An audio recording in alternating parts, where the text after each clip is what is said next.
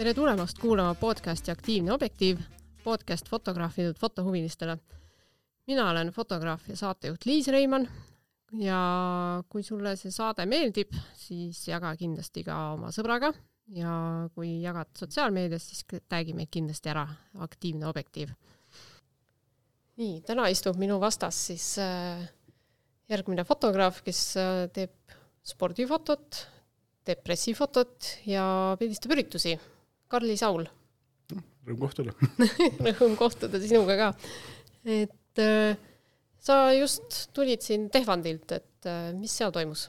noh, Tehvandil oli kahevõistlus MK ja kuna seal on, olen olnud juba nii-öelda nagu mitmendat nii-öelda korda järjest, et siis äh, aina tuleb neid üritusi või niisuguste üritusega seosnevaid asju tuleb juurde see aasta juba läksin nagu kolmapäeval, et hakkasingi nii-öelda, kui kolmapäeval sinna kohale läksin, siis esimene asi meenutasingi seda, et vanasti oli see, et tulid laupäeva hommikul, tehti ära ja mindi võib-olla vaata, et juba laupäeva õhtul tagasigi nii-öelda, et noh, vahel harva oli, et jäädi kaheks päevaks nagu. ja siis hakkas tulema see reede õhtu ja siis tuldi juba reede hommikul kohale ja ja kogu aeg kuidagi lähevad need asjad nagu pikemaks, et noh, et see online meedia on ka olnud selline, et et kes esimesena saab nii-öelda selle eelvaategalerii üles, et see on nagu võitja nagu nii-öelda, et niisugune võistlus käib ka nagu meediamaja vahel, et see ongi see, et aina varemaks ja varemaks, et noh, see on kuidagi niisugune kummaline asi olnud nii-öelda hmm,. väga huvitav, oota, sa lähed siis enne võistlust, lähed juba mitu päeva varem kohale? jah, kui neljapäeval ja. hakkasid võistlused, siis olin juba kolmapäeval kohal. mis sa teed seal nii vara? Äh, seekord tegelikult oli see, et kuna Suusaliit palus nagu muude asjadega ka appi mm. -hmm. ja siis äh, tegelesime selle hospitality tiimiga ka, et äh, kõikidel sportlastel oleks nii-öelda söögid-joogid olemas või no, snäkid, et sööki, söögiga me ei tegelenud, aga kõik muu selline, mis sinna juurde ka veel kuulus, et seal tekkis nagu jooksvalt ülesandeid, et vahepeal pidin käima isegi puulusikate järgi poes, noh. okei, see on huvitav ülesanne jaa äh, kasutan kohe juhust ka, ma küsin siis, et eh, kuidas nagu kohapeal see töö ja elu välja näeb, et et sa teed pildi ära, et kuidas ta siis sinna meediasse jõuab? noh, tegelikult oli seekord oli Suusaliidu poolt oli meil kolmene meeskond mm, -hmm. kaks fotograafi ja mina tegelikult filmisin ja pluss tegin veel vahepeal pilte ka, kui kedagi ei olnud nii-öelda. ja sellega ongi see, et need jaotatakse ära, kohad kus keegi käib ja mida pildistab, et kellel on nagu rohkem mingit melu, kes mingi ajaliselt mingi koha peal on ja noh, selliselt ta nii-öelda lähebki nagu noh. aga noh, video puhul oli see ka veel, et kui sa teed esimene päev, teed video ära, teed teine päev video ära ja siis juba tuleb kolmas päev ja see suusahüppetorn on ikka see su sama suusahüppetorn siis on ikka väga raske nagu välja mõelda ja see pühapäevane päev oli juba, kuna need päevad lähevad ka, kõik läksid pikaks et seal ühe päeva võistlus tänu tuulele lükati õhtult, lükati ära järgmise päeva hommikuks, siis sa ootad seal Muku tornis niiviisi, et öeldakse, poole tunni pärast tuleb kohtuniku otsus, noh, ootad selle pool tundi ära, siis tuleb kohtuniku otsus, et järgmise poole tunni pärast teeme uue otsuse. siis on seda paar korda edasi lükatud, sa oled seal ära olnud õhtul ja siis sa pead, sa tead, et sa pead järgmise päeva hommikul vara jälle sinna minema, noh. aga see vara tähendab seda, et järgmise päeva õhtused asjad on ikka õhtul olemas ja siis tulevad ka sellised pikad päevad ära, mis sulle pühapäevaks nagu väsitas ikka tegelikult päris ikka korralikult ära, noh. Mm -hmm.. et see pikk päev tegelikult äh, nagu fotograafil tegelikult on ju loomu, loominguline töö.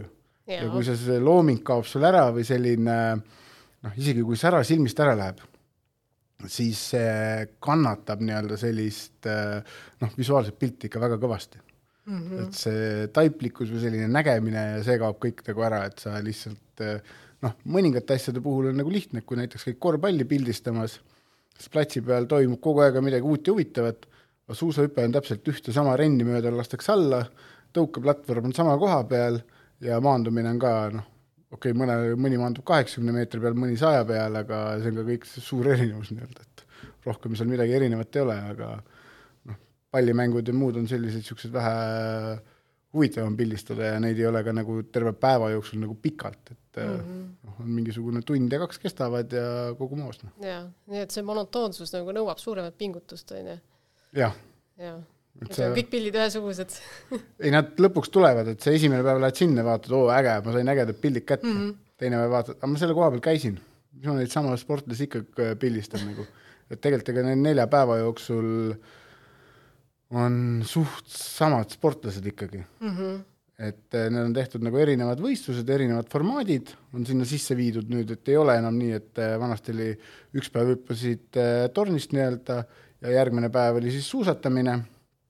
nüüd on nagu mõlemal päeval äh, tehakse näiteks nii, et on, üks on massistart nii-öelda ja siis pärast tulevad suusahüpped järgi nii-öelda mm. -hmm. ja siis tehakse, teine päev tehakse nii, et on suusahüpped, selle järgi lähevad starti nagu et äh, on tehtud see nagu erinevaks, esimest korda oli ka veel selline asi plaanis, kus oli nagu segavõistkonnad, et kaks naist, kaks meest.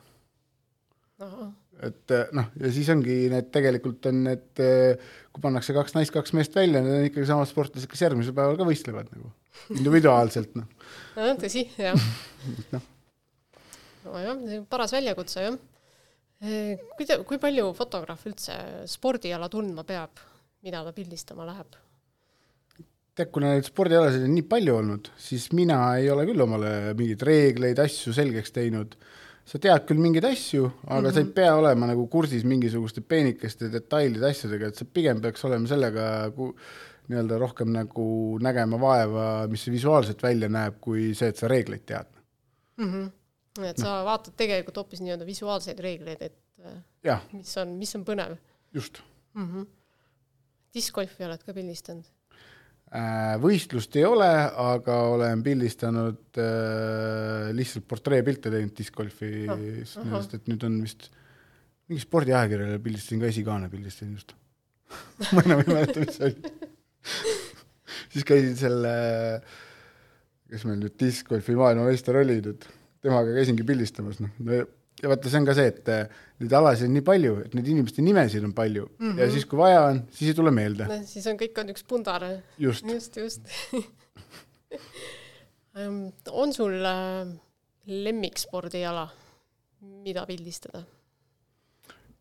ütleb, et on, tegelikult on nagu motosport on nagu üldiselt nagu ägedam, et ta ei ole nagu noh, kas ta on ralli, motokross, motoringrada äh,, noh, seal nagu väga suurt vahet ei ole, et nad on ikkagi ägedam kui noh, ükskõik mingi muu asi, et kui käid siin Eestis nagu jalgpalli pildistamas, siis pool aega nagu haigutad lihtsalt, noh aga mine sa rallile, katsu seal haigutada, noh okei okay,, kui tagaotsa vennad tulevad, kes on tegelikult suht-koht niisugused eh, oma lõbuks sõitjad siis äh, võid küll tõesti haigutada või vahel ootab põnevusega, et huvitav, millal keegi üle nipli käib, noh. aga, aga noh, ütleme, et see motosport üldiselt on nagu ägedam, et eriti kui nagu WRC rallit pildistada, siis sa käid nendes teistes riikides ja just nendes nagu ägedates kohtades, et äh, sa ei ole nagu mingisuguses kuskil Äh, staadionil või spordihallis, mis on kõik suhteliselt samad nii-öelda mm, -hmm. et noh, ikkagi korvpalliplats on korvpalliplats, vahet pole seal, milline tribüün seal ümber on. aga WRC rallid on küll sellised, et sa lähed, käid kuskil mägedesse, hommikul lähed toast välja, sa vaatad, oo, kakskümmend kraadi sooja, jõuad mägedesse, autol lööb eest tulikune põlema, jäid ohtu, vaatad kraadiklaasi, vaatad nullis. või isegi miinus üks, noh, kuskil mägedes üleval et ta on nagu noh, ütleme, WRC ralli pildistamine on kõige nagu ägedam ja seiklusrohkem nii-öelda üldse mm.. ja seda sa oled siis pildistanud nii Eestis kui ka siis välismaal? jah, praktiliselt ütleme, et ma vist WRC rallidest pole käinud Austraalia, Uus-Meremaa, Keenia vist oli ja Suurbritannias ei ole, aga ma arvan, et Euroopa etappidest ma olen nagu kõigil käinud mm. -hmm. mis sulle kõige rohkem meeldib selle ralli juures? ta on nagu selline mitu asja nagu kokku, et sa pead ise otsima omale mingi koha, kus mm -hmm. sa, sa nii-öelda üldse pildistama lähed, sa pead nagu, tegelikult pead sa nagu orienteeruma, kus sa käid üldse, et see ei ole selline, et sa lähed istud nagu korvpalliplatsi juures lihtsalt ühte nurka maha, vaid sa otsid omale selle koha mm. -hmm. isegi kui sa selle kuhugile ära lähed, siis sa hakkad seda jälle nagu visuaalselt poolt otsima, et see, see teebki selle nagu asja põnevamaks või sul ei ole vaata nagu igav ja niisugune üksluine see. et sul on nagu kohad ka vahetuvad, et äh, mõni koht on näiteks nagu linnakatsed, siis sul on mingid linnavisuaalid, siis sa kuskil mägedes on nagu mäed taustaks ja kõik muu, mis sinna tuleb nii-öelda juurde, noh mm. -hmm. aga nüüd ralli puhul, mis on selline, tea, oluline aspekt, et noh, et et äh, sa lähed sinna, sa otsid omale selle koha, et mis sa siin sa pead silmas pidama, et selle, et seda pilti kätte saada, sest et kui on, ütleme, mingi kruusatee, no siis sa võid ju seal mingi kividega pihta saada ja et kuidas see pildi kättesaamine nagu seal välja näeb? noh, ma olen nagu vaadanud, nagu käinud nagu rallidel päris palju ja hästi kihvt on vaadata, kui tulevad mingisugused noored, seal on tegelikult eh, noh, miinimumvanus, mis nad võib pildistada seal või kellele akrediteeringut antakse, on eh, kaheksateist. et sa pead nagu kaheksateist täis olema, aga mõningad nagu noh, tulevad noored, hakkavad, alustavad, siis vaatad, et oo, väliskurvis seisab, miks ta seal huvitav seisab, noh. ja siis, kui esimene nii-öelda nagu nullauto mööda läheb, kes loo-, nagu spetsiaalselt loobib kivi ja kõike muud, niisugused nii-öelda kruusa ja tolmu üles, et nagu näidata ära, mis võib nagu, kuidas tee peal nagu see trajektoor hakkab välja nägema. Ja mõnes mõttes nagu noh, puhastab tee ka ära nii-öelda ralliautodele, siis äh, saavad paari kiviga pihta, siis lähevad minema, noh et äh, kui sa oled nüüd oma kivid nagu pihta ära saanud, siis sa juba sinna ei lähe nagu, et sa mm -hmm. saad aru sellest, kus see äh, ohtlik pool on ja noh, iga kord antakse nagu kaart välja, kus on nagu ära märgitud punasega kohad, kus sa olla ei tohi. ja määratakse ka ära see nagu koht ka, kus sa nagu noh, tegelikult üldse ei tohiks olla. ja sellega nagu noh, kuidas öelda, sa leiadki need nagu kohad üles, kus sa võid olla. ja mm -hmm. ega tegelikult ei ole nagu suurt vahet, et kui üks teepool on punane, siis tegelikult teine on nagu roheline.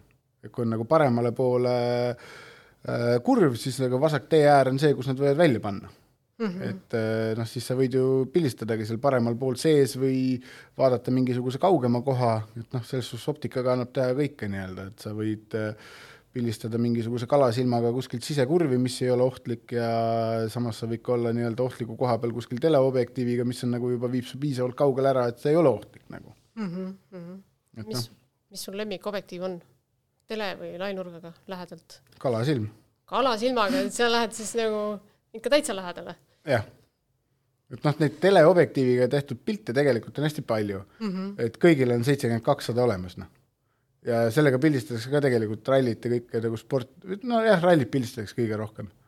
et äh, teised objektiivid juba jäävad nagu noh, kõrvale ja kui sa võtadki need objektiivid, mida, millega väga palju, tihti ei pildistata või välja, noh, palju pilte ei ole näinud, siis see ju muutub huvitavaks nagu mm. -hmm. sa pole ise näinud seda, teised ei ole näinud ja sellega teedki selle visuaalse pildi huvitavaks no..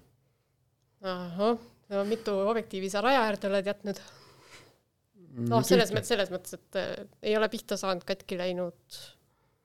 ei ole, mulle ei meenu, et oleks midagi nagu võistlustel katki läinud mm et mul on pigem olnud nagu need, kui on tehnika on nagu katki läinud, on see olnud sellest, et äh, näiteks eelmine aasta oli Itaalias oli rahvuste kross, siis sellel võistluspäeval oli, sadas vihma, see oli niivõrd mudane, et äh, kaks kaamerat andsid nii-öelda otsad. Ühtegi nuppu vajutada ei saanud, sellepärast et liiv oli nuppude vahel.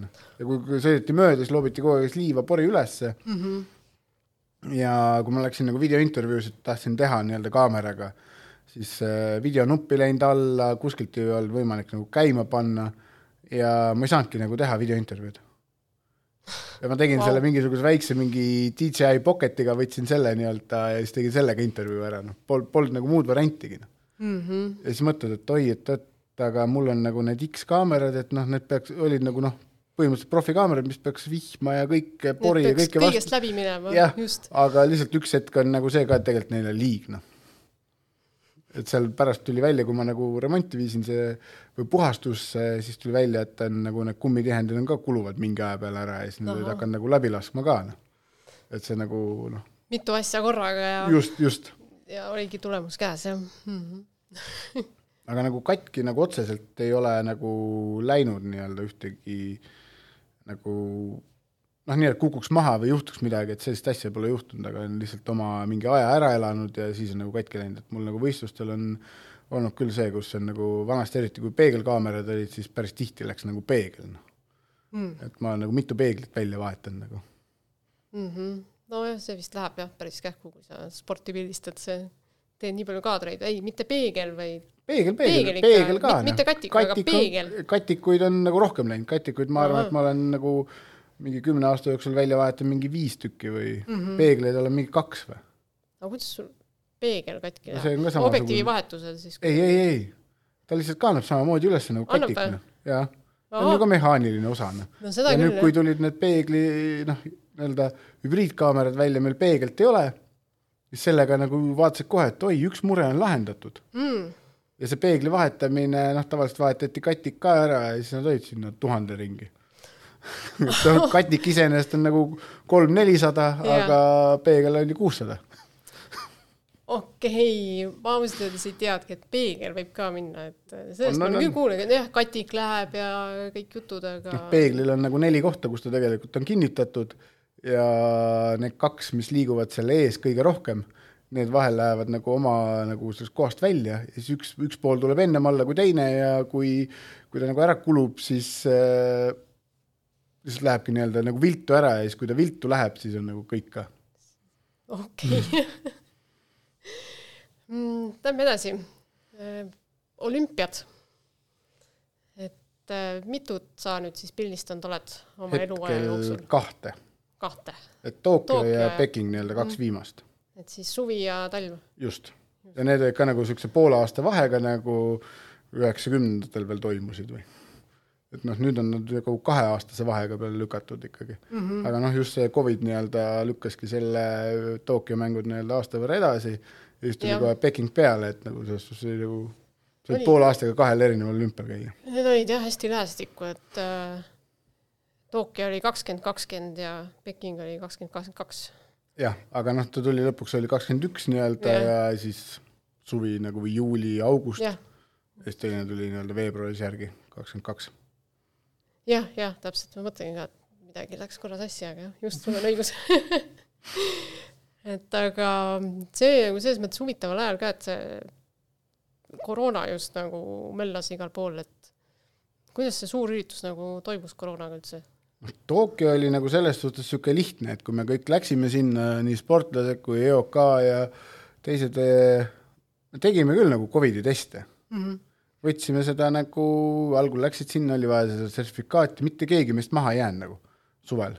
kõik läksid ja koha peal ka kellelgi meil ei olnud mitte mingisuguseid muresid mm. -hmm. noh, seal oli selles suhtes nagu lihtne, et sa ise pidid minema tegema, võtad omal mingi topsi, sülitad sinna sisse, saadad ära, skannid mingi QR koodi sisse ja kõik noh, mõningad olid seal, öeldi, et iga kolme või nelja päeva tagant tuleb teha, noh siis aeg-ajalt käisid, siis kui aega oli, siis käisin, tegin, ega keegi ei vaadanud ega kontrollinud, kas sa tegid ära, et mm -hmm.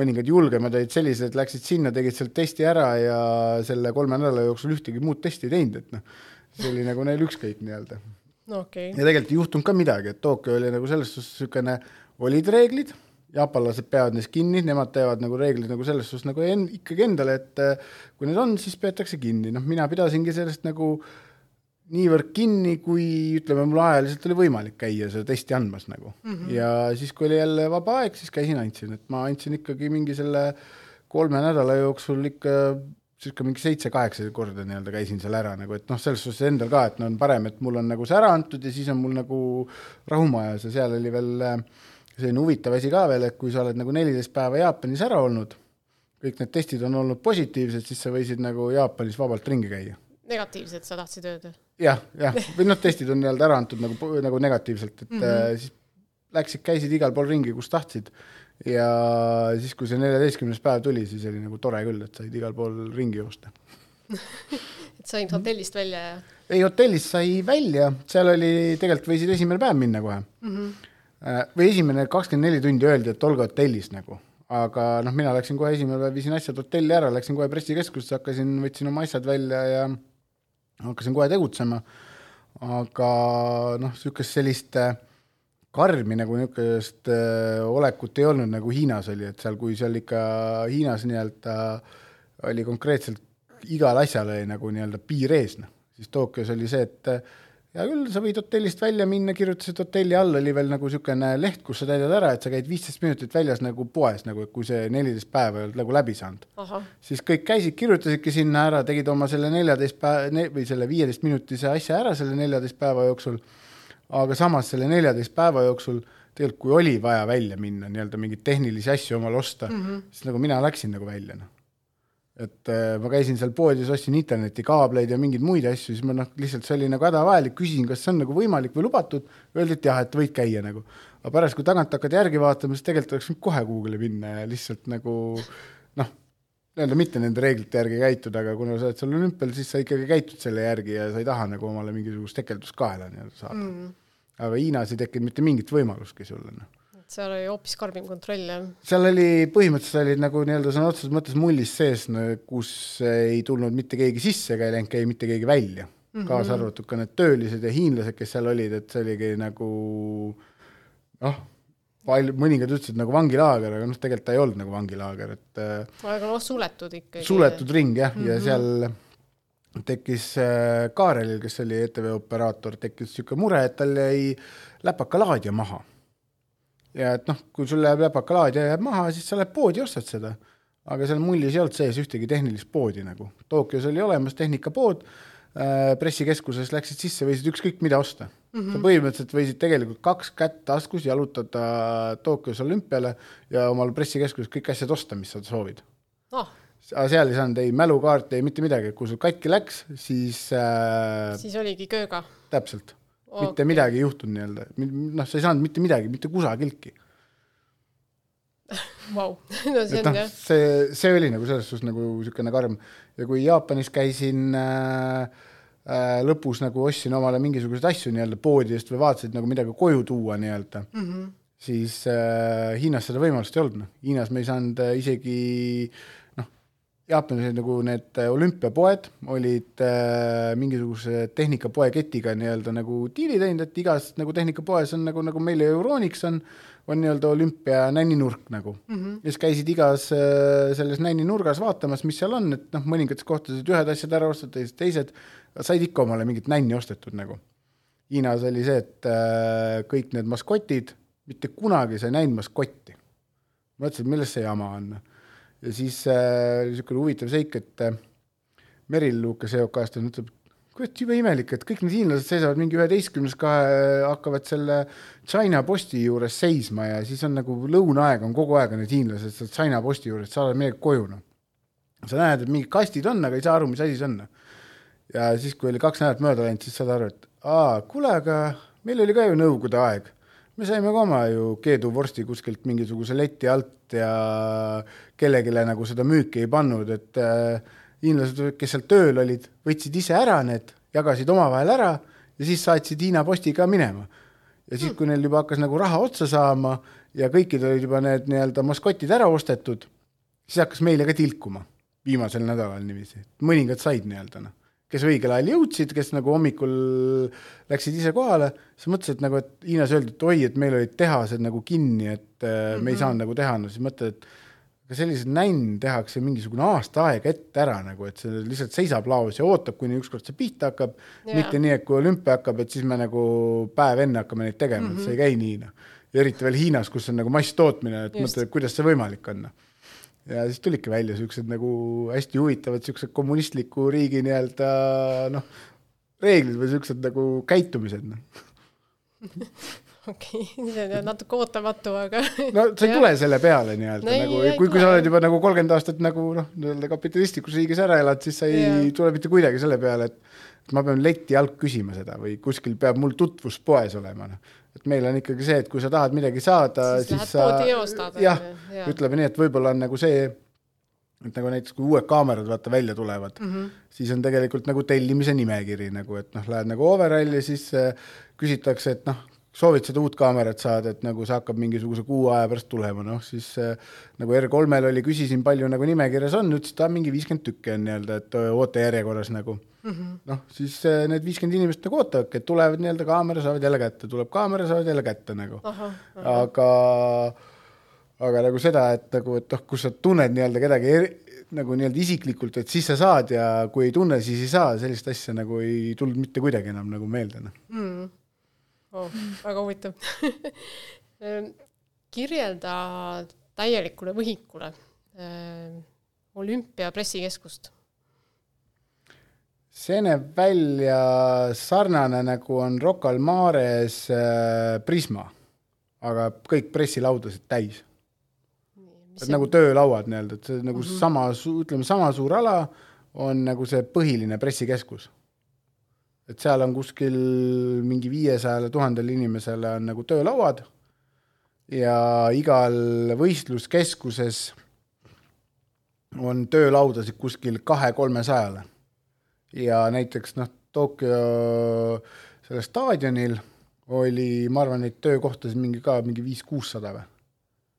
et neid ikka on nagu, et selles suhtes ühele võistlusele tavaliselt eh, oleneb muidugi võistlusest, noh, Tokyos näiteks laskmine oli selline, kus oli äh, mingisugune viis-kuus-seitse agentuuri fotograafi ja ma arvan, et mingi võib-olla sama palju oli veel nii-öelda kohalik, ütleme nagu nii-öelda siis nagu riigi enda poolt, nagu näiteks nagu meie läksime Peeter Oleskit pildistama, siis oli näiteks üks päev käisin mina üksi, teine päev oli veel kaks fotograafi veel Eestist ka veel kaasas mm -hmm. nii-öelda. oligi kõik noh.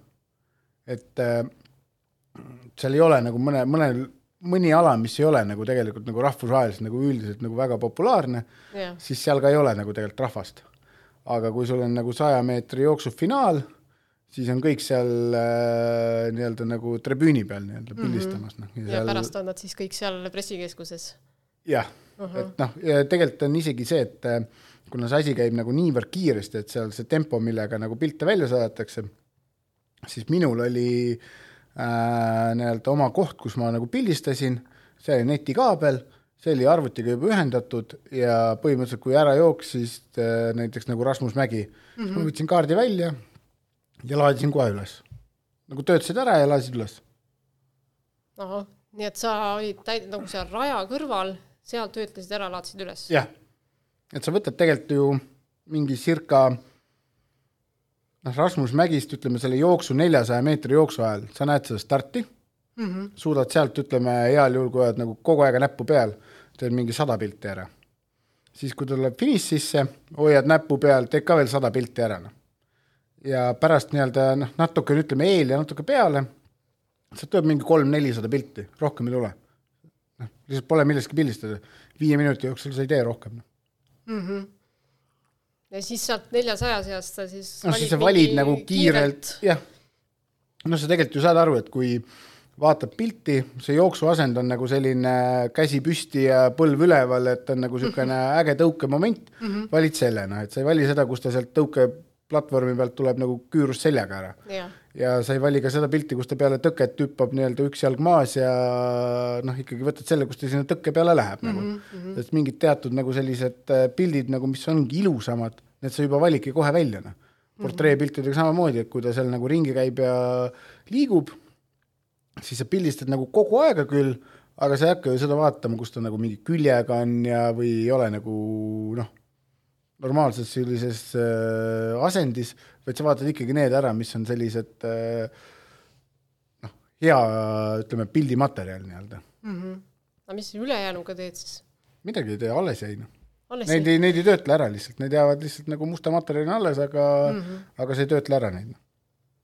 lihtsalt kogud kõva kettale jah, et ma nagu vaatasin üle ka selle, palju mul äh, pilte nagu tuli äh, olümpialt, siis mul tuli Tokyost tuli üheksasada giga pilte, roomaterjali nii-öelda.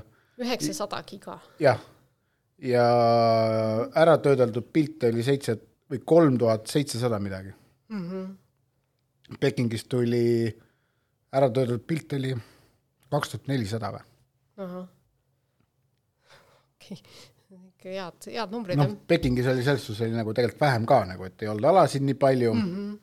Et kui Tokyos hakkasid hommikud, hakkasid pihta kohe nagu varakult mingisugune, vahel läksid öö, isegi öösel kell kolm hotellist välja, siis Pekingis sellist äh, rõõmu ei olnud, et Pekingis vist oli kõige varem mingi kuu aega. aga noh, Tokyos oli see, et tulid tagasi, vahel oli mingi öös üks-kaks Pekingis ikkagi lõppesid nad äh, suht-koht mõistlikul ajal ära, et niisugune viis, kuus, seitse lõppesid need võistlused ära ja sa olid juba kümneks hotellis nagu tagasi mm. -hmm. Et see talvine olümpiamäng on nagu ikkagi oluliselt lihtsam. noh, no, päeva pikkuse mõttes just. vähemalt ja noh, kui sul on nagu veel ka tegemist nagu mingisuguse saja meetri finaaljooksuga mm -hmm. ja seda vaadatakse ka selle järgi, pannakse kellaaeg paika, et äh, äh, lääneriikides nii-öelda oleks see nagu vaadatav noh, kõigil oleks nagu enam-vähem nagu mingisugune mõistlik mm -hmm. aeg vaadata, siis see näiteks toimus äh, Tokyos oli minu meelest kas õhtul mingi kümne või üheteist ajal või mingi sellisel nagu õhtusel ajal, kus oli ikka täiesti pime, staadion valgustatud, aga teistes riikides oli kas nii-öelda juba hakkas äh,, oli lõuna või hakkas hommik tulema, et nagu kõik said nagu vaadata. okei okay,, see on Et noh. see prime time. just, just, et nagu vaadati ka selle järgi ja siis, kui kui sul üks selline võistlus on nii-öelda nagu ära ja järgmise päeva hommikul sul on noh, meil triatlon nii-öelda, mis hakkab hommikul kell kuus pihta, noh. Sa lähedki hotellist minema kell kolm, aga nii vara? jah, et sa ei saa magada, noh. et see oli Tokyos oli kõige suurem mure oligi see, et ei saanud magada. et see okay. lõpuks nagu nii-öelda see kuumus ka, meil näiteks terve, meil vist mingi kakskümmend operaatorit oli Tokyos nagu staadionil filmimas ja nad just ütlesid, et äh, üks operaator ütles, et jumal tänatud, et enne Tokyot olid meil siin äh, kergejõustik mingi U üheksateist või seitseteist nii-öelda Euroopa võistlused mm -hmm. ja nad istusid Kalevi staadionil äh, ka nagu kahekümne kaheksa kraadises kuumas ja niisuguse kuuma käes, et kui nad oleks tulnud sinna nii-öelda otse nagu Tokyosse, kui tavaliselt Eesti ilmalt nii-öelda, mis on mingi viisteist kraadi suvel ja siis olnud nii-öelda neljakümne kahe kraadiga seal Tokyos mm, -hmm. siis nad oleks kõik kokku kukkunud, noh. Aga noh, see oleks nagu nii suur nagu noh, nad said eelnevalt ära nii-öelda selle kuuma sisse sai ära treenida, jah? jah, kui sa nii-öelda kahe nädala jooksul selle võtad selle kuuma vastu, siis sul ei tundu see enam nagu nii hull olevat, et sa harjud ära sellega. samamoodi on ka külmaga. jaa, aga noh, et, et see Tokyo oli selles suhtes ikkagi kuumus, see pikk niisugune tööpäev ja kõik muu, see mõjutas ikka väga rängalt nagu, et mul oli siis, kui Maicel Uibo hüppas teivast, hüppas viis kakskümmend üle, siis mina jäin nagu lihtsalt jäin pingi peale magama, ma ei suutnud. vajusin nagu kokku ära.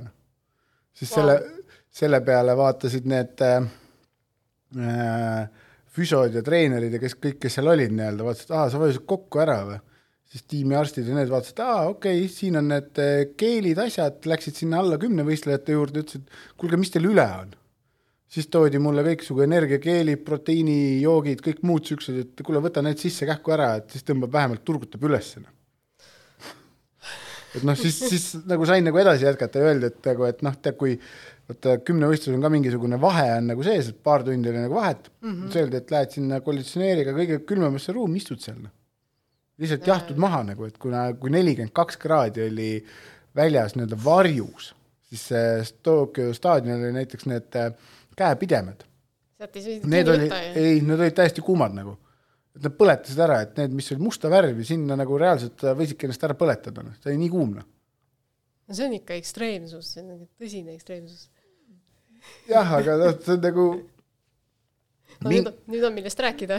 jah, mingil määral see on nagu põnev ja äge, aga mm Mhm. -hmm. et kui sa sellel hetkel oled seal ja siis lihtsalt vajud ära nagu, see oli nagu ikkagi, mul oli esmakordne kogemus, et ma nagu olen küll nagu töökas ja teed tööd palju, aga kui sa teed juba seda kolmandat nädalat järjest ja sellises kuumuses, noh siis kuskil oli ka minul piir nii-öelda mm. -hmm. teistel fotograafidel nagu Andres Puting ja Tairo Lutter, kes seal veel olid, neil oli see, et nad tegid nagu, üks tegi Delfile, teine Postimehele mm. -hmm aga Postimehel ja Delfil ei olnud nagu kõike vaja, et öeldi, et see spordiala, see praegult meid ei noh, ütleme, et kui me sinna jõuame, ei lähe ja ei pidanud nagu kõike tegema, aga mul oli, kuna ma tegin EOK-le, siis äh, kõik, mis võimalik, ma pidin ära tegema. ehk siis nii palju kui võimalik, nii palju kui jõudsid.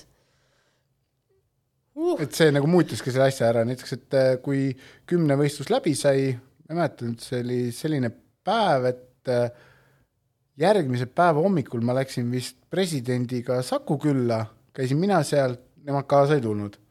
siis oli, tuli veel, see oli laup-, jah, neljapäeval sai läbi, reedel käisin presidendiga, sõitsin nagu Tokyost välja, käisin Saku külast pildistamas ära, tulin õhtul tagasi ja siis lendasin, laupäeval lendasin äh, sinna Saparosse, kus toimus äh, äh, see maratonijooks ja see mm -hmm. Saparo on nagu põhimõtteliselt lendasin nagu mingid tuhat kilomeetrit nagu ülesse, nagu põhja poole.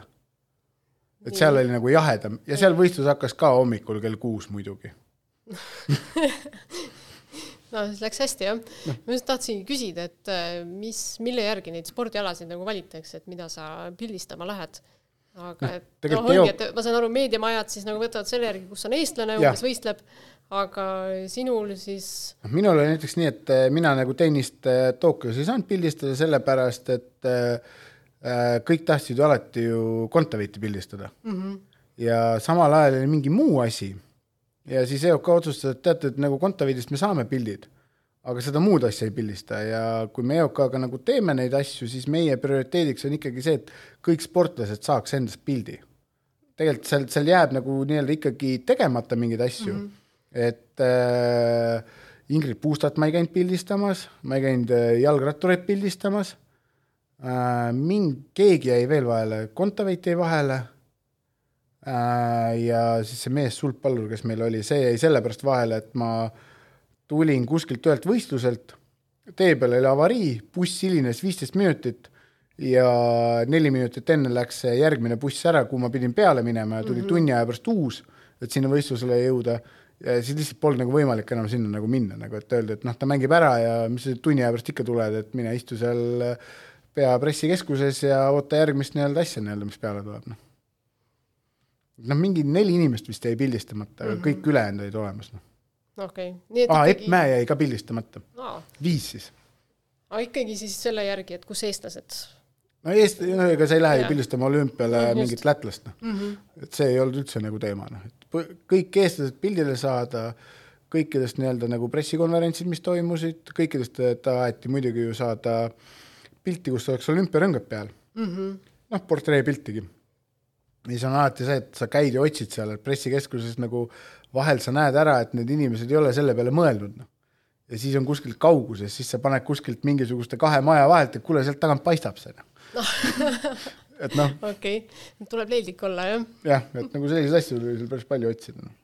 okei okay.. päris, päris jah, päris intensiivne on ka see, et sa aga kas sa hiljem õhtul ka töötled või sa töötadki kohe ei, peale võistlust ära, ära, nagu, kohe, kohe ära, ära ja nagu, tehtud ja.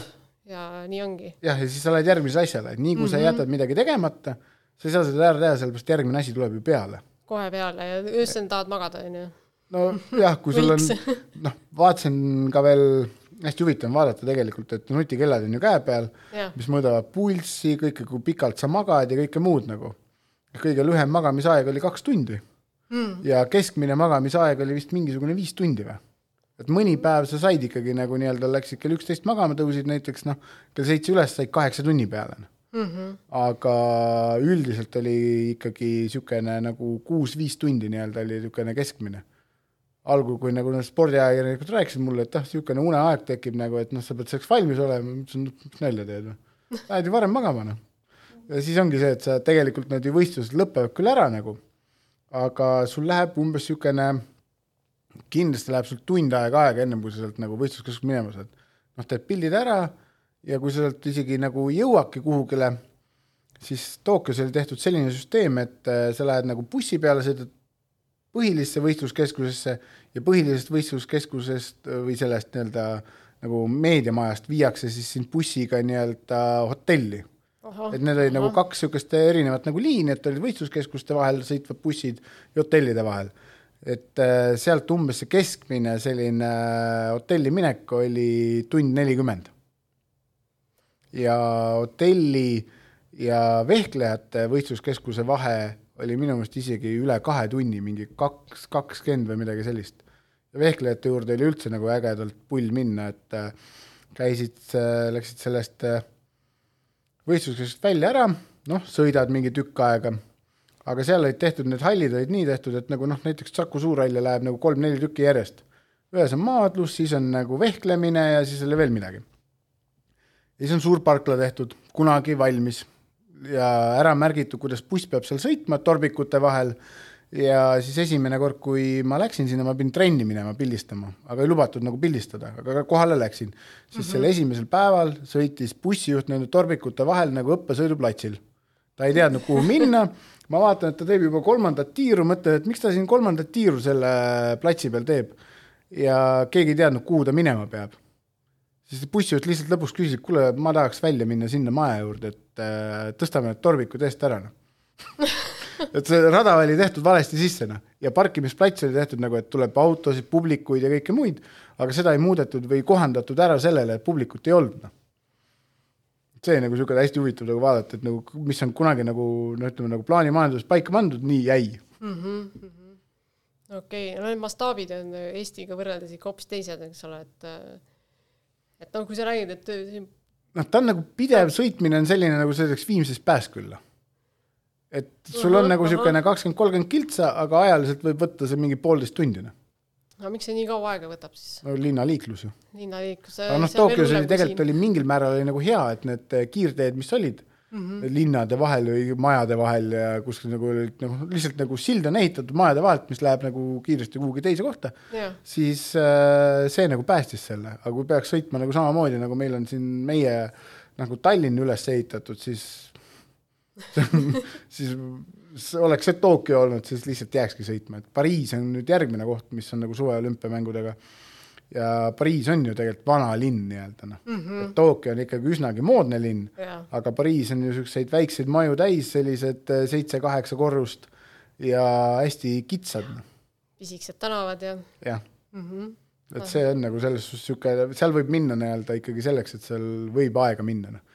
Aga Pariisis on õnneks see, et nad ütlesid, et äh, kui Tokyos oli nagu tehtud ka nagu vaata mulli nagu süsteem, et sa ikkagi käid nende olümpiatranspordiga mm, -hmm. siis äh, Pariisis öeldi seda, et meil on ikkagi normaalsed mängud ilma piiranguteta ja sa võid nii-öelda selle ühistranspordiga sõita või metrooga. et see mingil määral, ma arvan, et teeb, kiirendab seda mm, -hmm. aga samas jälle võib-olla aeglustab, kuna sa pead iga kord hakkama, nagu tuled metroost välja, küsid, nii, kuhu poole ma siit siis lähen? jah, esimesed korrad vist kindlasti. jah, et nagu jah, et esi, iga kord on tegelikult olnud see, et sa lähed kuhugile sisse, kuule, kus see pressikeskus on nagu iga võistluspaigale, kuhu see läheb nagu.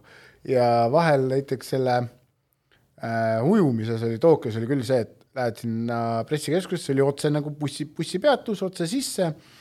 Ja otse oli kohe nii-öelda suur telk, kus oligi nii-öelda tehtud välja nii-öelda pressikeskus. ujulasse minek.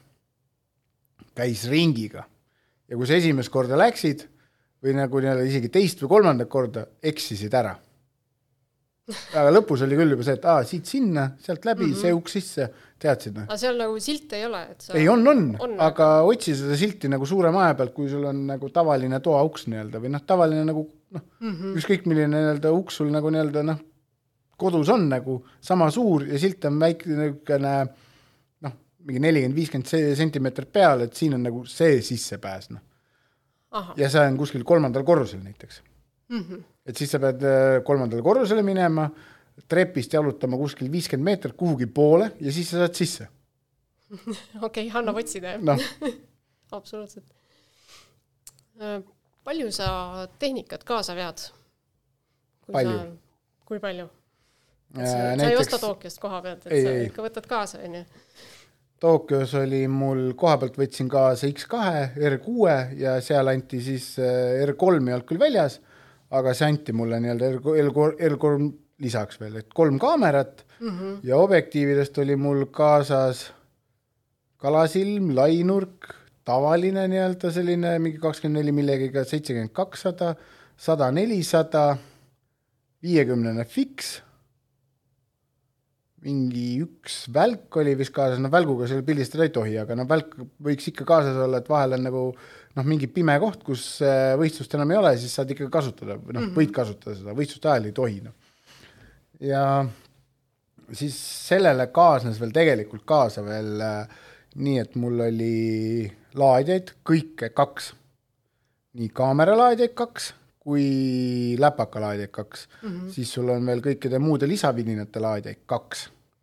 et need on nagu ka ära pandud nii-öelda nagu noh, ühed olid nagu nii-öelda hotellitoas mm, -hmm. kus ma laadisin, teised olid kaasas. jah, sul mitte kunagi ei tohi tekkida niisugust hetke, et sul aku on tühi. no see oleks piinlik jah. noh, siis sul on veel varuakud kaasas. See kohvri sisu oli tegelikult päris niisugune suur, et igasuguseid mm. vidinaid oli palju mälukaardid, juhtmed, mälukaarte oli nagu topelt, aga õnneks ükski mälukaart ei läinud mm. -hmm. äh,. noh, siis enne seda nii-öelda ma lasin nagu arvuti nii-öelda nagu üle teha, et äh, võeti vana ketas välja, terane ketas võeti välja, pandi neljaterane asemele. et ma ei peaks tegelema sellega, et oi, mul sai mälu täis ja mm -hmm. ma nüüd vaatan, kus ma kõva ketta peale saan ümber kopeerida, et kõva ketas oli muidugi kaasas, et mingi aja, teatud aja peale sa kopeerid nad sinna üle nagu aga, aga seda hetke nii-öelda nagu ei oodanud küll, et äh, üks hetk see nagu arvuti mälu täis saab, et see noh, nagu see juhtub siis, kui on kõige kiirem. jaa, absoluutselt okei okay., nii et sa läksid sinna siis äh, mingi kahe seljakotiga või? Ei, ma ostsin endale ratastega kohvri. ah, no ühe kohvriga, no see on eriti hea. mul oli, mul oligi nii, et oli kohver ja kui selle kohvri nii-öelda käepidemikust välja tirid, äh, selle peale käis nagu kott mm. -hmm. et siis nagu oli niisugune üks suur pikk nii-öelda selline kohvrilaadne või rataste peal asi ja kui võistluskeskusesse jõudsid, siis kohvri äh, panid nii-öelda nagu trossiga laua külge kinni mm -hmm. ja võtsid sealt vajalikud asjad, iga, noh, igal võistlusel on vaata erinevad asjad, mis sul vaja läheb nagu yeah võtsid need kaasa ja siis läksid, tegid oma töö ära, tulid tagasi no. mm. jah. Ehm, siin Eestis oled sa nüüd siis äh,, oled sa press, pressifotograaf või oled sa ürituste fotograaf või mis sa täpselt oled? tegelikult on nagu vabakutseline oleks pigem nagu õige, aga noh, lõpuks teed nagu kõike teed nagu Delfile mingeid pilte, siis TV3 soovib, ERR soovib mm -hmm. ja siis on ka nii-öelda nagu see erasektor, noh. seal on ka täpselt samamoodi, et äh, soovivad ükskõik mida nii-öelda, noh. kas või kõige lihtsamat asja, fotoseinagi, noh mm. -hmm. ja siis on ka veel need alaliidud nii-öelda, kes soovivad nii-öelda nagu meediat saada et noh, viimasel ajal ongi läinud nagu see spordivaldkond lihtsalt selle äh, kui vanasti tegid pilti nii-öelda lehetoimetusele, siis nüüd teed juba sellele alaliidule pilte. ahah, ahah, okei okay.. kuidas sul niisugune töönädal välja näeb? üldiselt tahaks nii, et esmaspäev, teisipäev oleks vabad ja siis kolmapäevast võiks midagi tegema hakata ja noh, ta enamik nii on ka mm. -hmm. et äh, nädalavahetused tavaliselt hakkavad ikkagi reedel pihta ja need laupäev-pühapäevad või need õhtud, need lähevad ikkagi nagu öösse välja ja vahel nagu isegi hommikusse, noh. Mm -hmm.. ja kui on nagu näiteks äh, mõningad sellised reeded on sellised, käid kuskil, teed mingisuguse äh, era mingi ürituse ära või mingisugune näiteks ütleme nagu noh, mingi kontsert on. Mm, -hmm. on õhtul, lõpetad ära üksteist, jõuad koju, mingi on öösel kell üks, teed pildid ära, kuna neid on homme hommikuks vaja, lõpetad ära kell kolm ja siis tegelikult pead kuskil teise Eesti otsa sõitma äh, selleks, et pildistada mingit võistlust nagu järgmise päeva hommikul, mis hakkab mingi hommikul mingi üheksast pihta.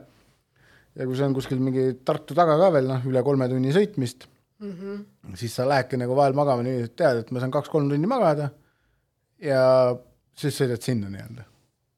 ja siis, kui on nagu vähe magada saad, siis on ju alati see, et lähed nagu voodisse ära ja ma pean kähku magama jääma, pean kähku magama jääma ja siis vaatad kolm tundi hiljem, et ikka ei ole magama jäänud. ja siis, kui äratuskell tuleb, siis jäid magama. ja siis on see kõige magusam hetk okei, nii et sa kütad siis Eestis samasuguse hooga, nagu äh, on olümpial? no ütleme võib-olla ainult mingi kaks-kolm päeva nädalas, aga jah. aga selle eest ikka päris. aga õnneks ei ole neid hommikusi asju nii palju nagu, et mm -hmm. neid vahel nagu neid tuleb nii-öelda ette, et neid on mõni, ütleme võib-olla kord või kaks kuus aga üldjuhul on ikkagi see, et ikkagi hommik on nagu suht-koht vaba nii-öelda, et kui satubki nii-öelda mingisugune noh, näiteks Eesti Laul ja järgmisel päeval on mingi spordiüritus, mis on nagu päevane, noh näiteks kui Eesti Laul satub nii, et ta on laupäeval ära õhtul ja järgmise päeva hommikul on Tartu maraton. et see laupäeviti on nagu Eesti Laul ja, ja pühapäeviti on Tartu ja. maraton mm. -hmm, mm -hmm. siis võid põhimõtteliselt otse minna Eesti Laulult Tartu maratonile nii hästi väga hea ju et neid on kokku sattunud niiviisi, noh, aga, aga vist see aasta vist ei satu aga palju sa töötlusele pärast aega kulutad? mingi ajaga tekib see sisse, kus sa saad aru, et kus äh,, mida sa pead tegema, milleks mm -hmm. ja mis vaja on nagu. ja siis see rütm tuleb nagu kiiresti, et äh, kõik see, noh, see rütm tegelikult tuleb endal nagu välja töödelda nii, et äh, noh, ma olen vaadanud nagu paljusid fotograafe, kuidas nad töötlevadki pilte. et kes saab aru, kuidas ta sisse võtab, mis ta välja vaatab ja kuidas ta töötlema hakkab. ja kui sul on nagu suurte üritustega tegemist, ma olen vaadanud, mõningad on nagu sellised, käivad nagu ükshaaval pilte ja hakkavad ükshaaval töötlema. mul on see, et ma teen valiku mm, -hmm. panen kõigile ühe settingu mis peaks nagu olema, et noh, välitingimustes näiteks pildistamine või Saku Suurhallis pildistamine, sul ei muutu ju valgus ega mingisugused asjad, et üldjoontes on sama, eks ole. sa paned need paika ära ja kui sa juba pildistadki nii, et sul enam-vähem on nagu, ei ole kuskil ala ega üle valgustatud, sa ei pea väga palju rõhku panema sinna mm. -hmm. ja saad väga kiiresti peale seda võtad nii-öelda kätte, hakkad kroppima, kropid ära ja ongi tehtud. Et nagu nii-öelda selle suure massi korraga nii-öelda, et no muidugi kõik pildid eraldi teed selle kroppimise, et see, see ei ole, et üld, üldiselt paned kõigile ühe selle peale ja kõik noh.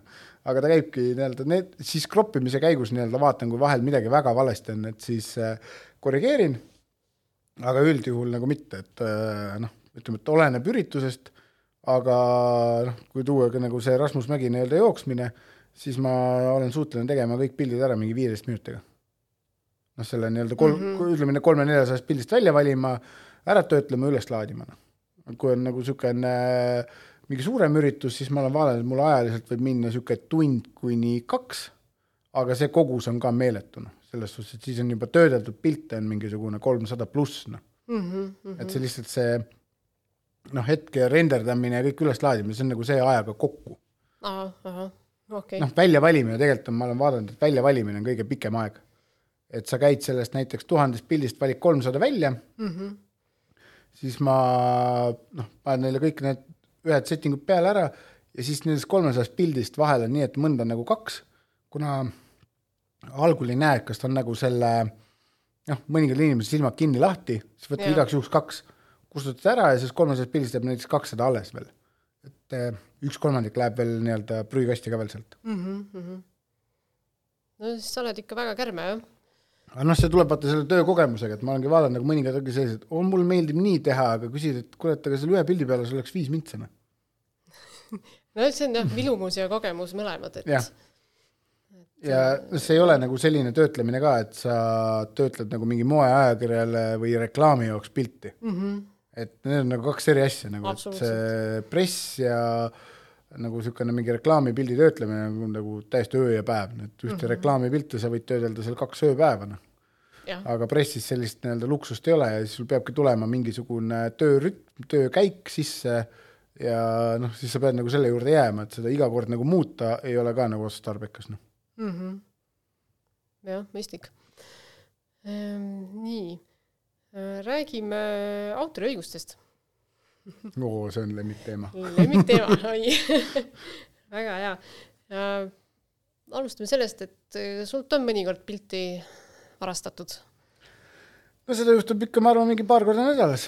paar korda nädalas, jah? ütleme, oleneb perioodist, aga seda ikka juhtub ja seda juhtub ka nagu erinevatel tasemetel, et ma olen nagu kõik omal nagu selles suhtes ka nagu selgeks ära teinud, kus nii-öelda nagu reageerida ja kus mitte reageerida mm. -hmm. et näiteks äh, kus nagu võib nagu kasutada, ütleme nagu ükskõik millise fotograafi nagu pilte, olid äh, näiteks teadustöödes nagu ülikoolides on nagu, et noh, sinna nagu, see on nagu loomulik, kui inimesed teevad teadustööd, kasutavad näiteks ütleme mingit pilti nagu näidiseks või selliseks noh, kirjeldavaks asjaks, siis on see okei okay. mm. -hmm. et see on see, kujuta ette, kui kõik teadlased peaksid hakkama välja otsima oma teadustööde jaoks nagu pilte ja nendele otsima ka seda, kus nad nagu tasuda saaks seda, väga keerukas noh mm -hmm.. et mõningate nagu pressifotode puhul on hästi palju seda, et äh, on mingid olukorrad, mingid kohad, kus nad käivad nagu ja nad lihtsalt tegelikult võtavad nagu veebis selle pisikese pildi ja nagu illustreerivad oma nii-öelda nagu uurimustööd näiteks selle pildiga mm. -hmm. et see on nagu täiesti tasuta, fine ja sellega nii-öelda nagu äh, kõik nii-öelda nagu noh, on nagu korras aga kus juba hakkab juba niisugune hall ala tekkima, on nagu meie sotsiaalmeedia mm. -hmm. et kas siis sotsiaalmeedia on nagu tasuline või tasuta. et kui mina näiteks võtaks oma pildi või nagu ütleme, kellegi teise pildi, paneks oma sotsiaalmeediasse, teeks sellega midagi, kas see on nagu siis minu enda promomine või mis siis? et äh, kui on nagu tegemist niisuguse tavainimesega, kes ei ole nagu, kes ei vaja nii-öelda nagu turundamist mm, -hmm. siis ütleme, et nagu võiks kasutada mingisugust lihtsalt spordifotot võtta ja kasutada või nagu ütles, et oh kurat, täna pani Kalev pani ülikõvasti, et mulle nii meeldis, noh mm -hmm.. noh, okei okay,, las olla. aga kui seda pilti võtaks näiteks äh, mingisugune asutus või mis on tekkinud nagu hästi paljudel, kõikidel on ju, ettevõtetel on nüüd Instagrami kontod, Facebooki lehed ja kõik muu, siis kui on tegemist juba äriühinguga, siis ta ei tohi seda teha, siis ta peab juba tasuma, sellepärast ta ju reklaamib oma äritegevust. noh, just ja tegelikult on ka nende äh, sotsiaalmeedia tegelastega, et äh, need ka tegelikult lahterduvad kahte klassi. et kes on sotsiaalmeedias sellised, äh, et nad ei reklaami mitte midagi, aga neil on suur jälgijaskond, siis seal on nagu see koht, kus ta ei peaks nagu tasuma, aga samas jälle tekib see, et kui on nagu mingi muusikuga tegemist ja tal nagu otseselt nagu ärgioski reklaami seal ei ole üleval, siis ta nagu ei peaks tasuma, aga et samas ta reklaamib iseennast, nii et see mm -hmm. nagu ta teeb paneb... endale turundust ikkagi, jah ja aga kui on tegemist juba ärkioskiga ja ta võtab su pildi, siis seal ei ole mitte mingit juttu nagu mm. -hmm. et seal nagu võib lihtsalt saata juba selle nii-öelda arve välja ja öeldagi, et nagu, et noh, nüüd läkski. üllatav on see, et viimasel on hakatud küsima pilte. et äh, Salon pluss oli, kes küsis, et kuule, et ma tahaksin võtta selle pildi, kasutada seda, et äh, tule hea, tee nagu turundusarve nagu mm. -hmm. tegid turundusarve. aga paljud on sellised, kes lihtsalt võtavad nii-öelda pildi ja siis reklaamivadki tegelikult selle spordipildiga enda nii-öelda ettevõtmist või enda nii-öelda neid asju. et nendega on tekkinud nüüd siis selle enne Tokyo olümpiat nii-öelda sai ka nagu mõeldud korra nagu nende asjade peale koos EOK-ga, sa ütlesid, et noh, vaatame, mis toimub või kus seal nagu läheb nagu. siis nad vaatasid ja järgmine kord enne Pekingit saatis, Margus Kiiver saatis siis nii-öelda äh, erakondadele, kõiksugu poliitikutele, kõikidele nagu nii-öelda tegelastele, meediaväljaannetele, kõikidele, kelle nagu ütleme, kes nagu olid nagu seotud nagu spordivaldkondadega, ka isegi nagu spordialaliidud, saatis meili välja, kuidas nad võivad neid kasutada. no juhised. juhised just jah mm, -hmm. et äh, kes võib ja kes mitte. ja siis noh, see tekkis ka sellest, et äh, kui võeti nii-öelda vehklejate pildid, kui nad said kulla, siis mis pistmist on nagu sellel, et märgitakse ära sinna hashtag'ina alla kesknoored, noh, Keskerakond nii-öelda. seal pole mitte mingit pistmist, noh. ja see nagu ärritas, et noh, see on ka ju nagu poliitiline organisatsioon mm. -hmm. see ei ole nagu seotud nagu sport ja poliitika ei käi kokku.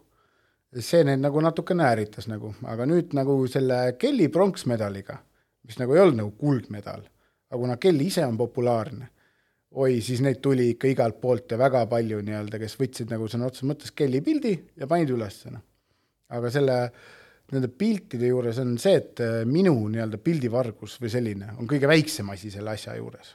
et seal on tegelikult kaks suuremat rolli on veel juures, on äh, näiteks Kelly, kelle pilt võeti, tema on teinud nagu viisteist aastat näiteks trenni vaeva näinud, raha panustanud sinna mm -hmm. ja siis mhm. täiesti suvaline koht võtab selle pildi, näiteks üks mingisugune ajakiri, mingi Säde või, võttis, märkis ära, sealt tuli neid nii rumal vastus, et nad on nagu kõik asjad nagu ära märkinud, aga reklaamisid ennast, noh.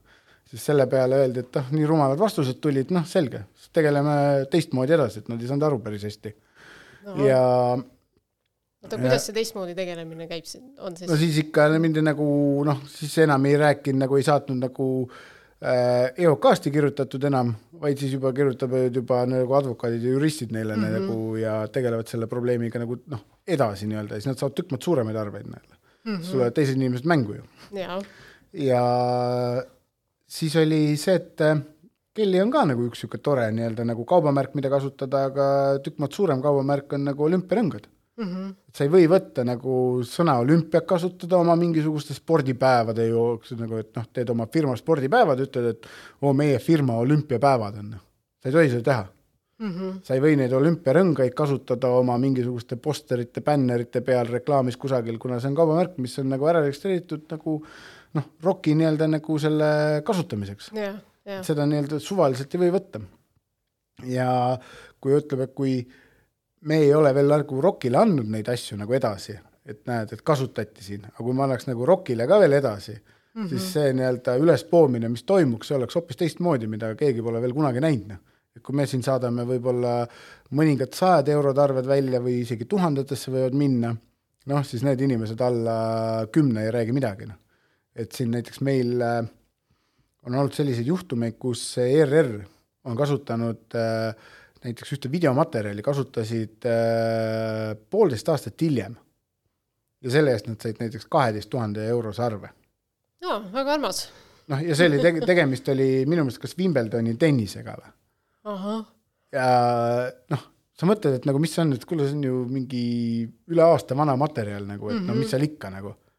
aga kuna see on ka jälle samamoodi nagu jälle kellegi autoriõiguste all, keegi on nagu sinna noh, kuidas öelda, nagu raha panustanud nagu. raha ja tööd on mõlemad Just. läinud sinna, jah. ja, ja siis keegi võtab ära nagu noh, tegelikult neil oli nagu õigus on äh, spordi näiteks äh, ülekannetel on ka nagu õigus nagu näidata mingeid teatud spordialasid, teatud minutit või ütleme, neid loetakse nagu kolmekümnes sekundis kuni mingi võib-olla kahe poole minutini mm. -hmm. ja nad ei tohi seda teist korda enam nagu näidata, aga nad kogemata nagu näitasid seda teist korda nagu juhuslikult sattus see sisse, noh. et noh, niisuguseid inimlikke vigu tekib ikka, aga noh, kaheteist tuhandene eurose arve saada nagu niisuguse väikse apsaka eest on ikka päris palju, noh. ja see oli ka mingisugune niisugune poolteist minutit nagu, et noh, see ütleme, minuti hind oli väga krõbe, noh et noh, kui Eestis nagu ka satub nagu sellise, ütleme, need rahvusvahelised nii-öelda suured organisatsioonid hakkavad nagu nõudeid esitama, siis need nõuded on ikka noh, ütleme, alla kümne tuhande ei mm -hmm. nõua sult keegi mitte midagi, et sellega võid rahulikult arvestada, mm -hmm no ikka mastaap on hoopis teine, jah. jah, võib-olla fotode puhul on, võib-olla on mingid tuhandetes nii-öelda küsitakse mm. -hmm. aga noh, telepilt või videomaterjal, see on juba, juba kümnetes, noh. ikka päris karm, jah. aga noh, Eestis töötab siis ka see, et fotograaf vaatab, et tema pilti on kuskil äh, ilma loata kasutatud turunduses, lihtsalt saadab arve ja ei, see on pigem ära. see, et sa kõigepealt pead ühendust võtma nendega, ütlema, et teate, et te kasutasite minu pilti mm, -hmm. kust te saite, öeldi see, ah see, noh, siis tuleb, siis ma kirjutan vastu, et teate, ma saan selle eest arve teile, noh, ega nad ei pea vastama sulle, kas nad soovivad seda või mitte, saadad arve ära neile mm. -hmm. ja üldjuhul tegelikult see ikkagi noh, kuna Eesti on nagu õnneks on ta nii väike, et tead kedagi kuskilt ikka. ja siis sa saad selle inimese kaudu pöörduda sinna, et nagu praegusel hetkel tegelikult on noh, naljaga pooleks on Delfi saanud neid äh, trahviarveid mu poolt nagu Pekingi olümpiamängude piltide kasutamise eest, noh mm -hmm.. et nad, äh, sellega oli ka see, et äh, nad võivad kasutada nagu korra, seal on tavaliselt on lepingutes sees, et nagu kuu aega mm, -hmm. peale seda nad ei tohi aga äh, Delfil sattus nii, et nad olid nagu võtnud Õhtulehe pildipangast, kus on tegelikult juures, et suurelt kirjas ka veel oli, et ei tohi võtta äh, ainult nii-öelda nagu fotograafilt otse, aga Aha. ikkagi nii-öelda nagu laeti alla, kasutati ja, ja seal oli tegemist äh, mitte sellega, et inimene nagu eksis, vaid oli, kuna neil mingeid IT-süsteeme vahetati, tekkis sealt nii-öelda pildipankade vaheline omaline suhtlus, kus olid minu pildid neile saadaval kuigi ei tohtinud olla, noh, see on ah, nagu IT. IT-error. jah okay., aga noh, mis see minule loeb nagu no selles just. suhtes, et eh, noh, reeglid on reeglid ja kui see IT-error tekkis sinna sisse, siis nad said ikkagi arve, noh mm -hmm.. ühe nad said, said, saavad nüüd teise veel no topelttiger ise. noh, siis nagu ja noh, kui me suhtlesime nagu nende inimestega seal Delfis, siis tegelikult see arve ei läinudki nagu fotoosakonnale või nagu spordiosakonnale, vaid see läks nagu IT-osakonnale et see, kes nagu põhjustas, see saab ka selle arve mm. -hmm. No, jah. et noh, niisuguseid huvitavaid asju nagu vahel tekib sisse, aga see on ka nagu see, et sa tunned ja tead inimesi nii palju, et äh, saad nagu nendega otse suhelda, mitte et sa saadad kuhugile lihtsalt äh, kirjutad arve ära, paned sinna käibemaksu otsa ja siis äh, maksad ise käibemaksu ära, aga keegi sulle seda arvet ära ei maksa, noh no see on natuke kehv variant jah ja., ja no eks paljud fotograafid võib-olla kardavadki seda aga siin ei ole tegelikult nagu no, karta nagu kõigil midagi. ei ole neid kontakte, vaata, et noh, et siis mõtledki, et noh, saad arve ära, onju. ei, aga sa hakkad sellega, otsid üles, telefoninumbrid kuskil on olemas, küll sa kellegi kätte leiad, noh. et äh, tavaliselt on ettevõtete lehekülgedel ikka olemas, kes tegeleb turunduse või kommunikatsiooniga mm, -hmm. äh, selle telefoninumber on seal olemas no,, meil on olemas, saad helistada ja rääkida mm. -hmm. et ja see on ka see, et äh, sa ei tohi nagu, nagu neile peale lennata, vaid öelda, et teate, juhtus niisugune asi, vaikselt räägid neile, et äh, kuna see on nagu selline, see olukord on see, kuulad neid ära, mhm. kuidas nendel sattus see sisse, annad neile nõu veidikene, et noh, ärge järgmine kord nii tehke, aga teate, et ikkagi nagu kuna see on nagu juhtunud ja see on nii olnud, siis ma teile teen ikka karve, noh mm -hmm. et ähm, ei tasu nagu minna ka nagu selliselt öelda, et oi, minu pilt on mingi tuhat eurot väärt, noh, tegelikult nagu noh, hakka mingi väikestest summadest pihta nii-öelda mm. -hmm et oleneb, kui suur see asi on ja kõike muud nagu vaatad selle peale ja siis sellega nii-öelda lähebki nagu edasi, et ei tasu noh, ka nagu päris hulluks ka sellega minna, aga kuskil nagu mõistliku piires tuleb sellega toimetada, et kui üldse ei tee mitte midagi, siis noh, ongi nagu täpselt öeldakse vastu, panime nime alla, noh, siis ütled nagu selles suhtes mul see peabki olema, see ongi kohustus, noh. et no, see, see, et sa nagu kohust, kohust, kohustust täitsid, on nagu tubli, aga tuleb ka täita nii-öelda nagu see teine pool ära no.. Mm -hmm, ja pool jäi tegemata nagu jah, jah, jah, jah et äh, siin oli alles hiljuti vist oli äh, Kaupo Kalda mingisugune pilt. Pandi Aa, Mätsu selle... mingi riigiasutuse poolt. ei, see oli Jaapani saatkond vist või? või Jaapani saatkond ja. või jah. aga ja. vaata, Kaupo Kaldaga on ka nagu huvitav lugu selles suhtes, et äh, minu teada on nagu paljudel fotograafidel müüdud EAS-i pildipanka nagu pilte.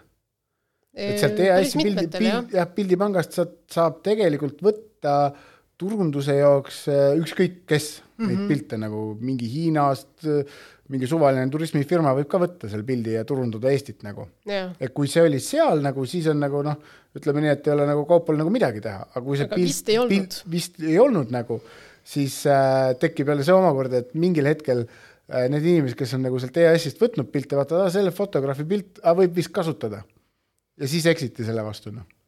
No, et võeti juba otse nagu tema, tema käest pilt ära, aga lihtsalt nii-öelda nagu lasti seal, tekib ka jälle inimlik eksitus mingil mm -hmm. määral. aga noh, selles suhtes nagu teades nagu kaupatada tööd nagu noh, siis ütleme nii, et kui sa selle nagu pihta paned, siis see on nagu tegelikult ütleme nii, et äh, kõik kuldsed asjad varastatakse ära noh et noh, midagi ei ole teha, et kui teed nagu, teed liiga head tööd, siis see küll, küll see ükskord pihta pannakse, noh. No nii ta kipub olema, jah. Ja noh, Jaapani saatkonnast, noh, kui seal Tokyos ei oldud, siis ma nagu tunnen neid inimesi, üldiselt on nad nagu korrektsed inimesed. Mm, -hmm. et noh, see on ka nagu kerge eksitus aga noh, seda oleks lihtsalt sinna kirjutanud, ma arvan, et nad oleks sulle lihtsalt arve ära maksnud ja ei oleks mingit muret olnud. Nad jah, seda tausta ei tea, mis, mis nagu sealt edasi sai, lihtsalt oli te, Delfis oli pealkiri, siis vaatasin, et ei no kuskilt okay. Delfis ei teada, sellepärast et ju Delfi inimesed olid ka ju Tokyos ja need, nemad said noh, ütleme, et inimestel oli nagu lähikontakt on olnud. ei, aga nagu. see oli nüüd hiljuti, paari kuu sees. ja, ja, aga, aga nagu tuttavaks ah, saadi no, ju Tokyo olümpiamängude ajal mm. -hmm et siis eh, noh, tuntakse kõiki neid seal nii-öelda, alates suursaadikust kuni autojuhini. ja, ja kõik, kõik tunnevad kõiki. ja noh, ütleme, et kõige kummalisem, ütleme, asi, mis siin oli, oli minu meelest oli autoriõigustega see, et eh, vaata, kui Lea Liitmaa ära suri, siis tema pilti kasutas Kroonika ja sellest tekkis nagu ilge probleem, et nüüd fotograaf küsib mm -hmm. nagu selle eest raha nagu oli küll midagi, jah. aga noh, minul tekkis jälle selle peale küsimus, et oota, aga mis see fotograaf nagu süüdi on, aga kui see Kroonika seal nagu kasutas või Delfis oli nagu, et nemad ju panid selle ju ülesse, selle mm -hmm. loo, nemad said ju klikke, nemad ju teenivad raha selle pealt.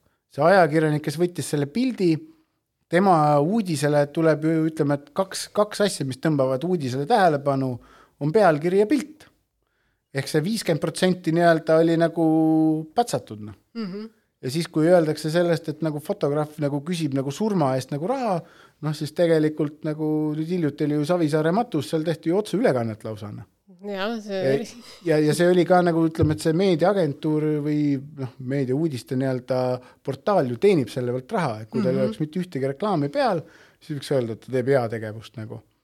Aga ja. seal on ju reklaam olemas, noh mm. -hmm. ja ma arvan, et nagu nende noh, kus öelda, matuste ja surma nende uudiste juures on ju ka ikkagi reklaamid jooksevad, noh. no jooksevad küll, jah ja see, ütleme, ajakirjanik, kes selle võttis, tegelikult äh, ütleme, kui selline uudis nagu välja tuleb, et keegi nii-öelda kuulsustest on ära surnud ja veel hästi tuntud inimene, inimeste seas populaarne, noh siis ütleme, et see, kes äh, parajasti on, see tahab selle kohe selle uudise välja panna, võimalikult nii-öelda ägeda pildi kõige muuga et äh, siis jääb tema nagu nimi sinna juurde mm. -hmm. ja pärast vaadatakse ka nagu igas toimetuses neid klikke või mis on saanud nagu noh, kus nii-öelda populaarsed uudised olnud, siis need ju saavad tegelikult preemiat mm. -hmm. näiteks Delfis, kui ma töötasin, oli iga nädal saadeti välja, et äh, noh, selle uudise eest mingisugune summa, see uudis, teine mingi töö nii-öelda lisapreemia nii-öelda mm. -hmm. Need summad ei olnud nagu suured, aga need olid siuksed nagu ütleme, mingi paarikümne eurosed ja Neid oli minu meelest mingisugune, tavaliselt mingi meilis oli mingi kakskümmend tükki või, nagu erinevat asja nagu välja toodud, noh et noh mm -hmm., igast osakonnast keegi sai midagi, noh, kuu aja peale mõningad tublimad töötajad teenisid seal võib-olla mingi sadakond eurot nii-öelda juurde, noh mm. -hmm. ja see, kes ei olnud nii tubli, siis ei saanud midagi, noh nii et jah, see ajakirjanik samamoodi teenib nii-öelda surma pealt. just, et mm -hmm. noh, selles suhtes oli nagu maru nagu kummaline vaadata, kuidas nagu tavarahvas nagu seda fotograafi nagu hukka mõistis mm. -hmm aga see fotograaf ei olnud teinud seda nagu pilti selle uudise jaoks, ta oli ise läinud kohale, ta oli inimesi ise kokku leppinud yeah., ise vaeva näinud, tal ei olnud tellijatki sellele noh mm -hmm. ja siis, kui ta teeb nagu töö ära ja siis seda hakkab nii-öelda, minu meelest see pilt oli veel nii, et ta käi-, et äh, Kroonikas kasutas esimesena, siis võtsid teised ka kõik hakkasid sama pilti nii-öelda ümber kopima. no see on nagu eriti et lihtsalt vaatasid, kuna see toimis öelda. nii hästi, kuna see pilt on nii hea ja toimib hästi, siis kõik olidki nii-öelda kõik nagu, teenisid selle pealt, aga mitte fotograaf, kes Just. tõmmati võlla, on ju. ja ütleme nagu meediavaldkonnas või selles vahel on nagu ka see hästi huvitav on tekkinud, et äh, näiteks fotograafi vaadatakse, et me võime su pilti võtta, aga ajakirjanik peab ikka oma loo eest nagu raha saama. et kui sa ei ole isegi noh, kus nüüd öelda, kuskil kellelgi palgal oled vabakutseline, siis ikka su loo eest nagu makstakse, aga foto nagu on nagu tasuta kõrvale noh mm. Et seda ei pea nagu tasuma, aga kui vaadata nagu ajakirjanikku, noh siis äh, äh, keskmisel ajakirjanikul on äh, märkmik, pastakas, diktofon ja läpakas. keskmisel fotograafil on diktofoni ja märkmikku pole, aga läpakas on kolm korda kallim kui see ajakirjaniku oma no. tehnika on seal kaasas, mis maksab võib-olla selle ajakirjaniku terve auto. noh, põhimõtteliselt jah jah, kõik igasugused lisapudinad, vidinad no., programmid, asjad ja kui ajakirjanikku võtta, siis näiteks ta ei pea kuhugile kohale minema, fotograaf peab kohal käima. mm. -hmm, jah, et see fotograafi ja ajakirjaniku vahe ongi vahel see, et äh, ajakirjanik võtab telefoni kätte, teeb loo ära mm. -hmm. aga mina pean kuhugile minema. jah, sa ei saa läbi telefoni pildistada Just, noh, selle peale läheb- telefoni ka pildistada, aga aga noh, kui selle peale juba sa sõidad kuhugile, läheb kütust, noh. no, okei okay,, sõitsid Tallinnas lähedal, läks viis eurot kütuse peale. Sõitsid kesklinna, läks teine, no ma ei tea, kümme eurot läheb juba parkimise peale. no sul on jah parkimine lisaks just noh, ja sa oled viisteist eurot ära raisanud nagu lihtsalt selle peale, et sa kuhugile läksid mm. -hmm. Ar. välja arvata see, et sa midagi veel teed veel. jah, tööaega keegi ei arvesta ja see tehnika, mis sa ostad, selle ka ei arvesta. et noh, tegelikult on nagu Natuke- fotograafidega tegelikult võib-olla nagu lihtne, et äh, oma tunni hinda võid sa arvestada selle järgi, mis tasemel sa oled, et sa võid vaadata ka nagu auto remonditöökodasid. Et kui sa oled nii-öelda ikkagi nagu noh, kõva vend nii-öelda, siis sa võid küsida sama raha, mis nagu Mersu nagu oma autode hooldamise eest küsib, noh mm. -hmm. kui sa oled niisugune keskpärane, siis küsi, mis nagu Volkswagen küsib või mingisugune tavaline, noh, ja kui sa oled päris algaja, siis vaata, mis need nurgatagused küsivad, noh. et noh, tegelikult ta nii on nagu, noh. päris huvitav võrdlus, ma ei ole kunagi nii noh, tunnitasuga sa võid mõelda, et selles suhtes, et Jah. nagu mis selle nagu auto remondi luksepal või fotograafil tegelikult nagu ütleme, töötunnitasust nagu vahet võiks olla, noh. et kui sa oled nii-öelda nagu, nagu ütlemegi, nagu lähed Mercedesesse, seal vist oli äh, ma ei tea, vist kõige madalam oli seitsekümmend viis eurot tund, keskmine oli mingi kaheksakümmend viis ja mingi, mingi eriliste luksusautode puhul oli vist vist sada viisteist veel tund, noh. mm.. tavaauto töökodades on vist praegu kuuskümmend viis eurot tund ja nurga taga, noh, ma ei tea, kolmkümmend viis, noh. Et selle järgi tegelikult võid ka oma nii-öelda tas-, tasemega nagu seda vaadata, mis see tunni hind tuleks nii-öelda või nagu ürituse või selle nagu noh, pildistamine. Mm -hmm, mm -hmm. jube lihtne tegelikult on nagu mingit hinda nagu paika määrata, et ei peagi noh, paljud ongi sellised, et oi, sa küsid ju nii palju raha selle väikese asja eest nagu noh. aga inimene teeb tegelikult tööd nagu inimene see teeb töö, tööd jah, see, see töö tuleb nagu ikkagi vaadata nagu selles suhtes samamoodi nagu kõik teised on. noh. okei okay,, ma saan aru, et ehitusobjektil mingi vend, kes tassib nii-öelda kotte kuhugile kellelegi ette, et tõesti võib-olla see saab kümme eurot tunnis nagu, aga see on ka juba see, et ta saab puhtalt selle kätte mm -hmm. ja maksab ka sinna lisaks nii-öelda, et tegelikult ta maksab võib-olla sellele ehitusfirmale kakskümmend eurot tund. noh. et äh, noh, alla selle ka ei ole nagu ka kedagi noh, ja, ja. no vot, et noh, seal on nagu igasuguseid siukseid huvitavaid asju, mida nagu vahel võib nagu oma hinna ja nende, nende puhul nagu määrata nagu, et noh, näiteks mind äh, kõige rohkem paneb imestama see, et äh, loodusfotograafid, noh. kuidas sa nagu nende tööd nagu hindad, noh. no see on äh, kaks kaks nädalat müstika. mingisugust kuskil midagi tegemist, üks mm. -hmm. pilt.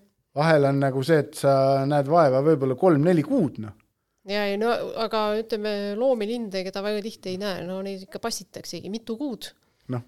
ja käid ja otsid, kus ja, on. ja siis ütled, ma kuule ostan sulle kümne euroga pilt ära, noh. ja siis see tüüp on nagu kuhugile läinud, sõitnud kuhugile Nad on mitu kuud sõitnud kuskile.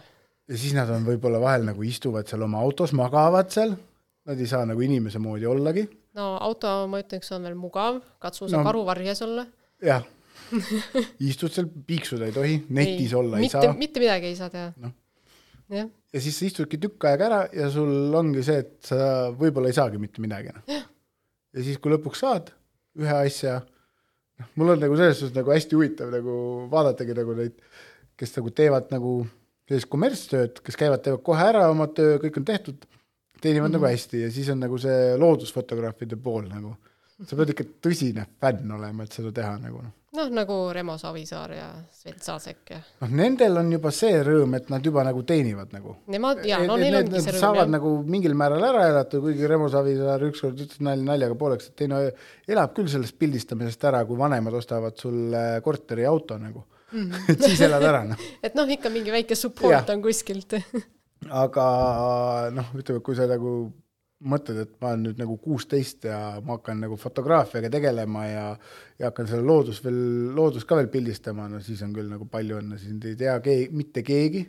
see töö tulemus on ka veel selline, et sa õpid alles mm. -hmm. ja see nagu, mis see energia ja ressurss sinna ära läheb, see on nagu meeletu. no eks ta, eks ta vist ongi nii, et pead fanatt olema, muidu ei tule välja. jah, et noh. muidu ei saa vaata loodusfotograafiaga on ka veel see, et kui sa lähed pildistama näiteks fotoseina sa võid osta omale kaamera, mis maksab, ütleme nagu tuhat eurot. noh, kasutatud yeah. siukse saad juba kätte, noh, ütleme tonniga yeah.. objektiiv ette on tonn, ostad veel välgud ka veel juurde, võib-olla läheb, ütleme kaks tonni mm. -hmm. sul on neli tonni läinud. loodust lähed pildistama niiviisi, et ostad omale neljateist tuhandese objektiivi, et saada mingit lindu kätte, noh no saab ka odavamalt, kui sa alustad. jah, aga noh, aga ütleme, et ikkagi need nagu need objektiivid millega nagu noh, kui sa päris, päris tipp, äh, tippu tahad, siis on jah, et äh, need suured, suured kahurid, need on ikka jah, päris hea hinnaga. noh, muidugi sa võid võtta ju selle noh, Canonil tulid ägedad torud välja, mingi kuuesajane ja kaheksasajane, avaga üksteist, maksavad mingi alla tuhande nii-öelda päris, päris kauged nii-öelda nagu torud nagu. keset päeva aga, saab aga üksteist jah, täpselt. ainult ja, keset päeva. ja siis, kui küsid nagu loodusfotograafide käest või nagu Satseki või Savisaare käest, ei no ega need loomad liiguvad ju siis, kui pimedaks läheb või hommikul Hämar. tõuseb nagu jah. jaa, hämaras ja no metsa all on sul niikuinii pimedam. jah, nii kui sa võsa vahele lähed, siis puud ju varjavad kõik valguse ära, onju, et jah et see, see on nagu noh, teebki nagu raskeks nagu, et see noh, ütleme loodusfotograafi elu ei ole nagu meelakkumine see minu arust on raskem kui mingi spordi pildistamine noh. no võib-olla küll. noh, spordis on ju see, et sul on võistlus, sa tead, et sa lähed sinna, sa teed oma teed pildid ära, ära., noh, kas sealt tuleb mingisugune äge pilt või mitte, see on iseasi, aga midagi sa oled ikkagi teinud, noh. aga metsas lähed, käid ära ja tuled tagasi ja sul mitte midagi ei ole noh.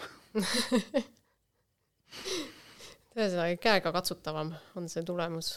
ja, ja, ja tuleb kiiremini just. just et äh, aga mis äh, nii, oota korraks, mõtle sassi, et see, mis see kõige nauditavam või lihtsam fotožanr on siis sinu jaoks? kõige lihtsam või? tead, see on juba nagu veits keerukas välja tuua, et mul ma ei tea, mul ükskord oli mingi üritus, ma pidin mingit ainult ühte asja pildistama ja mingi kolmsada pilti või, või kakssada või. see tundus jube lihtne olevat, noh mm et või noh, ütleme lihtne on juba siis, kui sa tead nagu, mida sa teed või kuhu sa lähed ja mis sul nii-öelda on nagu. mis ees ootab. jah, et sa teed nagu, oled paar korda läbi teinud, et siis on nagu lihtne nagu käia noh, näiteks Kroonikale pildistada kodu erijaoks nagu asja, sa ei tea iial, mis sul kodus ees ootab või mis seal on nagu noh. et see on nagu iga kord sa hakkad välja mõtlema, siis sa pead mm -hmm. mingi mhm. loo tegema või nagu mingisugune jutustus tuleb ja see jutt pea, või nii-öelda selle... pilt peab minema jutuga kokku veel no.. nii et siis sa ajakirjaniku veel konsulteerid ka, et mis ja, ta kavatseb et, no, kirjutada aga noh, ma ütlengi, lihtne ongi, tegelikult oli aa, kaks-kolm üritust oli siuksed, mul pakuti elus esimest korda laste jõulupidusid pildistada, need olid lihtsad. sellepärast need lapsed tulid jõuluvanale sülle, istusid ära, kellelgi ei olnud häda, kus ta sätib või midagi, et isegi mõtlesin selle peale, et kui fotoseina pildistad, siis tuleb ikka keegi sinna, tahab näha, mis sul tegid. ei, see ei sobi, ma lähen uuesti nagu siukene nagu noh, mingi otsimine käib kogu aeg mm -hmm. nagu seal oli nii tore, et saaks ainult lapse nii-öelda kaamerasse vaatama, oligi kõik noh no,. et oli jube lihtne ja nagu see oli nagu äge noh, ja üks oli veel Vabaõhumuuseumis ka, siis lastele tehti mingit dokisaia nii-öelda nagu või küpsetati nii-öelda lõkke peal, pandi doki otsa nii-öelda tainas, lasti ära, tehti dokisaia siukest. oi, see oli nii äge pildistada, noh. kõigil oli nagu äge meel ja kõik olid nagu selle üle nagu väga rahul, et noh, see oli nagu lihtne, et võib-olla ongi lihtne see, mis on nii-öelda niisugune nagu meeldiv endale nagu pildistada mm. -hmm et noh, vahel spordivõistlustel ka, ta võib olla küll nagu lihtne või nagu oled juba sada korda teinud nagu, aga kui ta igav on nagu, siis on ka noh, ei ole nagu lihtne nagu teha seda. Noh. nojah, siis on teistpidi keeruline. jah, et noh, siis sa võidled juba oma nagu selle mõistusega, aga aga võib-olla oligi see jõulupidu oligi just selles suhtes nagu lastele just nagu oli nagu huvitav minul pildistada, sellepärast et ma polnud kunagi varem teinud nagu seda mm. -hmm. võib-olla nagu see mingil määral nagu ongi võib-olla see lihtsuse võlu ongi see, et kui sa ei ole teinud, siis see tundub huvitav ja siis tundubki lihtne. noh. et see on nagu noh, ja nii et äh, edaspidi pildistad hästi palju laste jõulupidusid siis? tahaks jaa. tahaks jah ei no tegelikult äh, noh, ütleme, mis mulle nagu meeldibki kõige nende asjade juures on see, et see mitmekülgsus mm. -hmm. mitte see, et sa nagu noh, mõningatel fotograafidel äh, näiteks Reutersi fotograaf Lätist, Ints Kalvits ütles, et oi, ma tahan nii väga olümpiale minna, ütles Reutersile, Reuters ütles, mine. siis ta sai pildistada mingit taliolümpial, sai kurlingut pildistada ja kujuta ette, kui sa pead pildistama nagu üle nädala kurlingut, hommikust õhtuni. see kõlab siis, nürilt. ja see oligi nüri, ta ütles, et peale kolmandat päeva ta ütles, et ta ei taha nagu enam minna tööle, noh mm.. et see kõlas nagu ägedalt, oo, ma lähen olümpiale pildistama, aga kui sa pildistad nagu kurlingut, kus mingid vennad nagu libistavad mingisugust äh, nii-öelda, ma ei tea, ketast nagu ja mm sul on nagu kõik need nagu no üks, noh, põhimõtteliselt on tegelikult üks nurk, kuidas seda kurningut pildistatakse. seal ei ole väga palju otse, otse eest valikuga, kus ta seda nii-öelda, ma ei tea, litrit tõukab nagu mm -hmm. noh. ja kogu moos noh